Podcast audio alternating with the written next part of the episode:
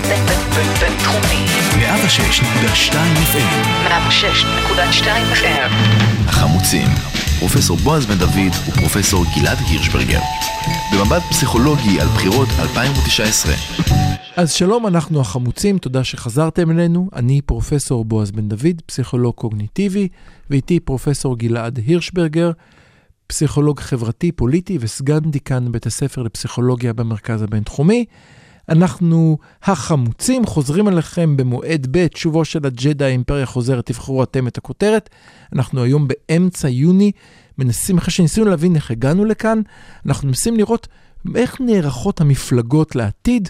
נדבר קצת שוב על ליברמן, נדבר קצת על מפלגות השמאל, קצת על מפלגות הימין. ברשותך, אני אתחיל אולי עם השמאל, ואז נחזור לליברמן, אוקיי? איך שאתה רוצה. אז הכותרת שלנו לשמאל, ואני גנבתי אותה, היא לא שלי, היא סידור הכיסאות על סיפון הטייטניק. זאת אומרת, מפלגת העבודה חטפה מכה שכמותה לא חטפה אי פעם. אני לא חושב שהמצביעים של מפלגת העבודה הפסיקו להיות מצביעי מפלגת העבודה. אני חושב שבתוכם הם עדיין מאמינים באותם ערכים, הם פשוט החליטו שהמפלגת העבודה היום נמצאת בכחול לבן ולא במפלגת העבודה. אני חושב שלכן היא ירדה מ-24 ל-6, אני לא חושב שאנשים כל זה כך הרבה. שינו את עמדותיהם. ברור לגמרי, וזו התופעה שראינו במועד א' של 2019, כן.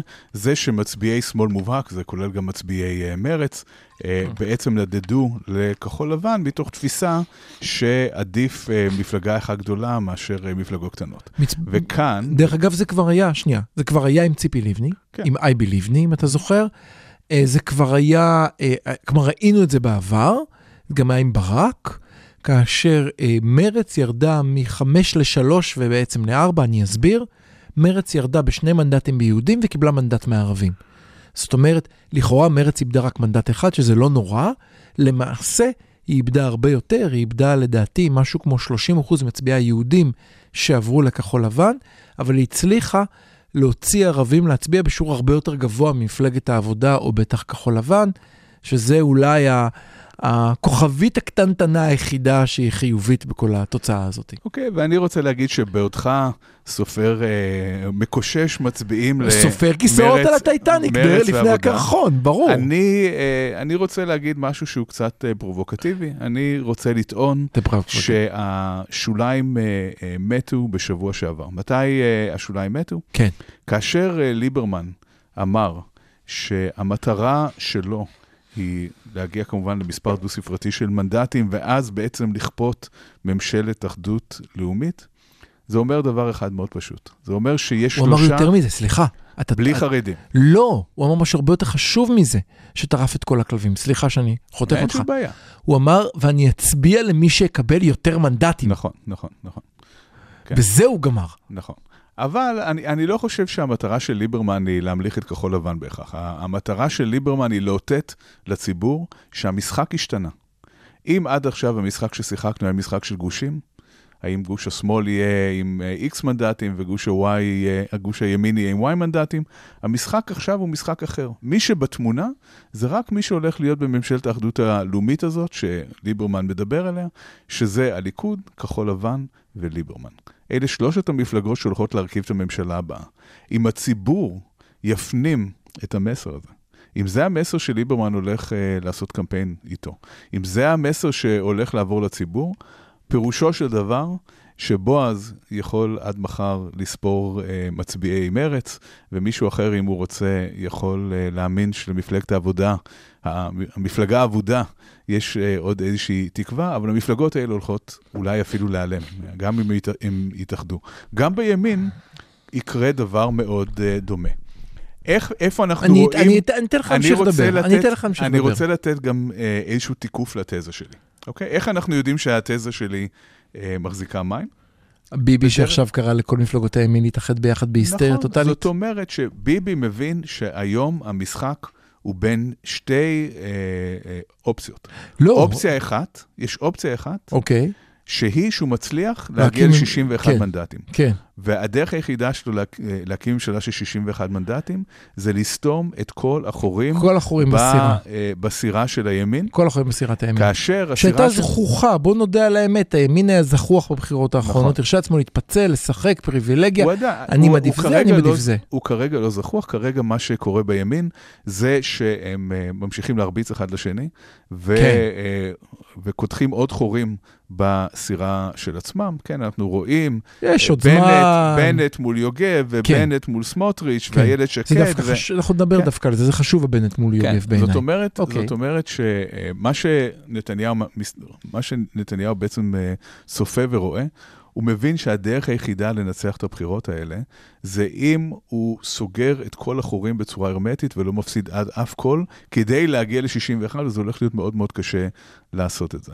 אז הקריאה הראשונה שלו השבוע, אחרי ההצהרה של ליברמן, שעשתה מעין אה, מפץ פוליטי, הקריאה הראשונה שלו הייתה לה- להקים מפלגה אחת מימין לליכוד. כן, זאת אומרת שבעצם בימין, הימין ירוצו בארבע מפלגות. הליכוד, מפלגת הימין אה, הדתי, הדתי, אה, אחדות, אחדות המאוחד, כמו שהיה בקיבוצים, יש מאוחד כן, משהו- ואיחוד, משהו שבעצם יאחד את כל הגוונים השונים. איחוד מאוחד. כן, ושני, ושתי המפלגות החרדיות. זאת אומרת שיהיו ארבע מפלגות אה, ימין, ואז הסיכוי שהם יאבדו אה, קולות הוא קטן יותר, ו... אה, יש למעשה יותר סיכוי יכולות- שהם יצליחו, הם שהם יכ- יצליחו לעבור את הם יכולות אה, את לסגור ה-61. לעצמם, לסגור לעצמם שני הסכמי, אה, אה, נו, נכון? הסכמי עודפים. הסכמי עודפים, סליחה. נכון. שני הסכמי עודפים שסוגרים כמעט את כל זה ה... יסגור הרמטית את החורים. כן, וכאן השאלה הגדולה, וכאן זה בעצם מאבק, המאבק עכשיו, וזה, ה- ה- אני מוכרח להגיד, הגאונות של ליברמן, האדם שקיבל אה, חמישה מנדטים בבחירות כן. האחרונות, הוא עכשיו במאבק ראש בראש מול נתניהו שקיבל 35 מנדטים בבחירות האחרונות. יותר מ-35, אבל לא חשוב. 30, וש- זה 36 בסוף, כן, 36 מנדטים בבחירות האחרונות. זאת אומרת שזה אה, בעצם מינוף מדהים של הכוח שלו, שכרגע השאלה הגדולה, האם ליברמן יצליח לחצות את רף העשרה מנדטים, ואז באופן ודאי הוא יוכל אה, לעשות איתם אה, מה שהוא רוצה, או שנתניהו כן יצליח אה, בצורה כזו או אחרת, אולי אפילו להגיע לקול הרוסי, ולשריין 61 מנדטים שיתמכו בו. וזאת הולכת להיות דרמה מאוד מעניינת. אני, אני, אני רק רוצה לתקן את עצמי, אתה צדקת, זה 35. זה מה שחשבתי, כן, אבל כן, אתה החלטתי. לזרום איתך, לא, לא, אחי. אתה צדקת, אני, כן. אני מתקן בשידור, פעם קודמת לנו פדיחות אחר אני כך, אף פעם לא מתווכח עם בועז בן דוד. ואלפי מאזינים זועמים התקשרו, אתה צדקת, 35, אני זכרתי 36. לא, לא, אתה צודק, סליחה. בת, אני אגיד לך למה התבלבלת, היה את העניין של אה, אגודת ישראל והליכוד, שהם אה, אה, נכון, נכון, נכון. הם היו אמורים לעלות במנדט, אבל אז בסוף הם לא כן, קיבלו את אני המנדט. זכרתי שניהם 36, אתה צודק, שניהם 35. זה- זה תיקו בסדר, תיקו. נסלח, הכל בסדר. אה, אז עכשיו, אז עכשיו אנחנו רואים ככה. אני, אני רוצה רגע לאתגר. שנייה. רגע, צריך לנשום אחרי הפרזנטציה הארוכה שלך. אני חושב ש... בוא נשחק משחק אחר. תגיד אם אתה מוכן לשחק אותו. ליברמן בהחלט עושה משהו לעצמו מאוד מאוד חזק. ליברמן הצליח להפוך את עצמו מהערת אגב לא רלוונטית במערכת הבחירות לדבר הכי חשוב במערכת הבחירות. נכון. אני מסכים, מסכים איתך, והוא עשה את זה דרך משהו שהמפלגות החרדיות ידעו לעשות פעם, ואיבדו אותו לחלוטין. ואני אסביר. פעם המפלגות החרדיות ידעו לקבל כוח בכך שאמרו, אנחנו באמצע. אנחנו יכולים ללכת בעבודה, יכולים ללכת עם הליכוד, בוא תגיד לי מה אתה תיתן לי, בוא תגיד לי מה אתה תיתן לי, ונראה מה הקודם עוד פעם ייתן לי, ואנחנו נאמנים למי שייתן לנו והכל בסדר. היה אפילו פעם, אני לא יודע אם אתה זוכר, כשיצא עלי ירוק בפעם הראשונה, הם קראו לעצמם הש"ס של הגראס. למה הם קראו לעצמם הש"ס של הגראס? כי זה שם מגניב. כי הם ראו את המודל של ש"ס כמודל נכון. מה המודל של ש"ס היה אז? אני חושב שאתה מרחיק לכת בפרשנות של אה, עלי ירוק. אני חושב שמה שהם ניסו להגיד, זה שהם אה, קרואים על העניין של הגראס, בדיוק כמו שש"ס על הנושא, של- על התורה וה... אתה תרשה לתת פרשנות, אה, אתה נתת פרשנות רש"י, נתת פרשנות רמב"ן לאמירה המפורסמת. אני חושב שהרעיון שעומד שם זה, אה, אנחנו מוכנים ללכת עם מי שיבוא, אבל אנחנו נילחם כמו משוגעים על העמדות שלנו, וזה לגיטימי. אתם רוצים להילחם בני אני ישיבה, חושב זה שליברמן לגיטימי. עושה משהו שהוא הרבה יותר מזה. מה שליברמן רגע, רגע, עושה... לא, לא, לא, לא, תן לי רגע, תן לי רגע. אני חושב שמפלגות החרדיות איבדו את זה.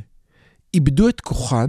העובדה שבבחירות האחרונות ליברמן יכול היה להיות חזק יותר מהן, אף על פי שהם קיבלו יותר ממנו והם יותר נאמנות ממנו, וכל אחד היה מעדיף אותן מאשר את ליברמן ההפכפך בקואליציה, בטח ביבי, בטח עם אדם הרע, הייתה בגלל שהם הפסיקו להיות נחשקות.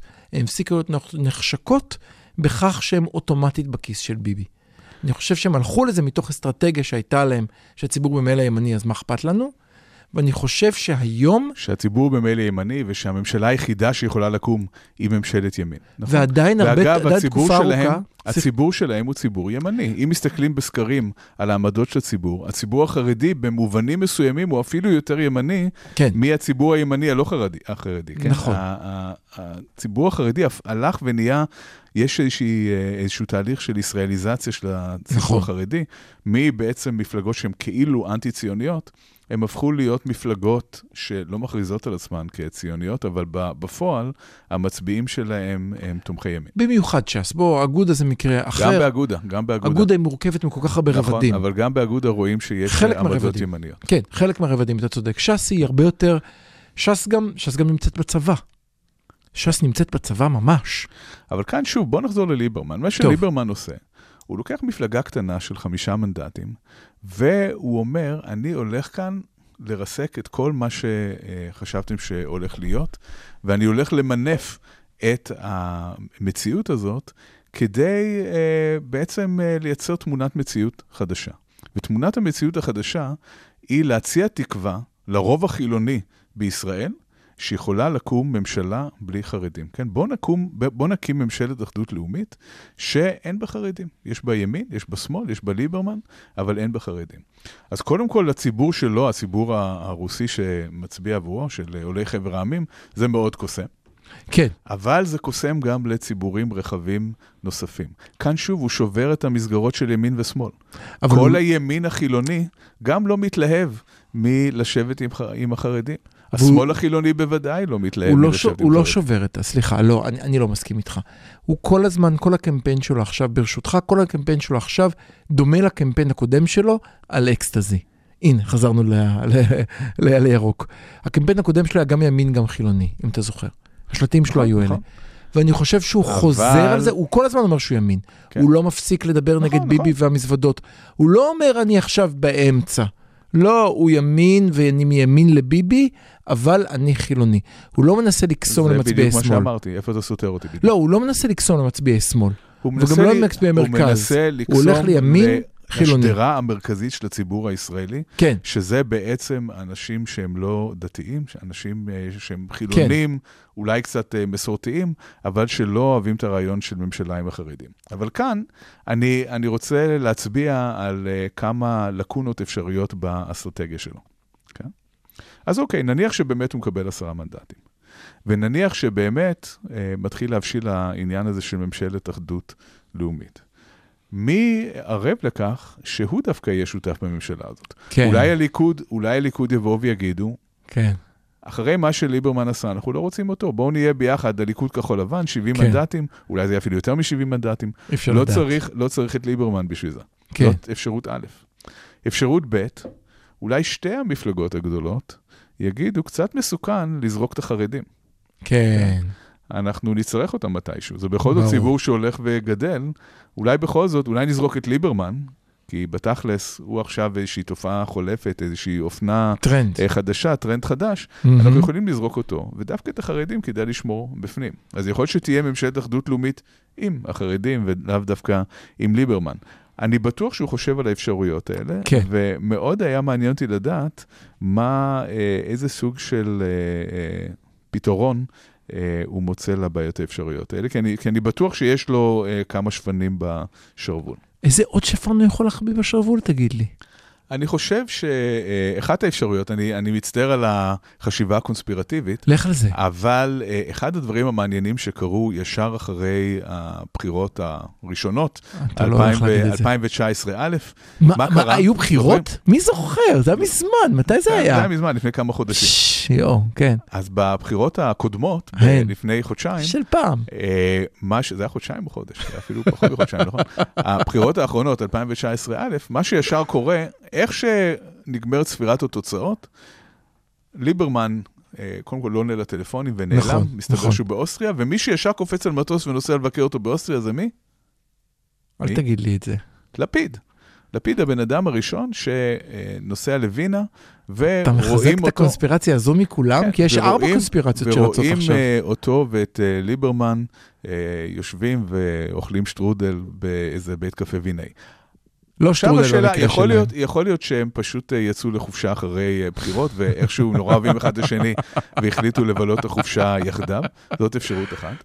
ויכול להיות שכל מה שאנחנו רואים עכשיו, זה משהו שמתבשל כבר הרבה זמן, ואולי חלק מהשאלות שאנחנו מעלים היום, נמצא להן אה, הפתרון בבית קפה וינאי כזה או אחר. בקיצור, אנחנו מסכמים את פרק ב', שבו התכוונו לדבר על סידור הכיסאות, ובכל זאת חזרנו על מי שבאמת מסדר את הכיסאות, שזה ליברמן, ואולי לא על הטייטניק, אלא על איירפורס 1 והמקבילה הישראלית. ואנחנו מנסים לפצח מה הולך הלאה. גלעד אומר, לדעתי הולך להיות משחק של שני, שתי מפלגות וכבר לא שני גושים. ביבי נתניהו מנסה לעשות מה שהוא יכול בשביל לסגור את ה-61, כי יודע שאם אין 61 ראשו עומד על הגיליוטינה הפוליטית כמובן, ואילו... והמשפטית. כן, בסדר. ו, אה, ואילו כחול לבן מצד שני, צריכים לחשוב היטב מה הם הולכים לעשות. האם הם הולכים למקסם את כוחם, או שהם עדיין מנסים לשמור על גוש.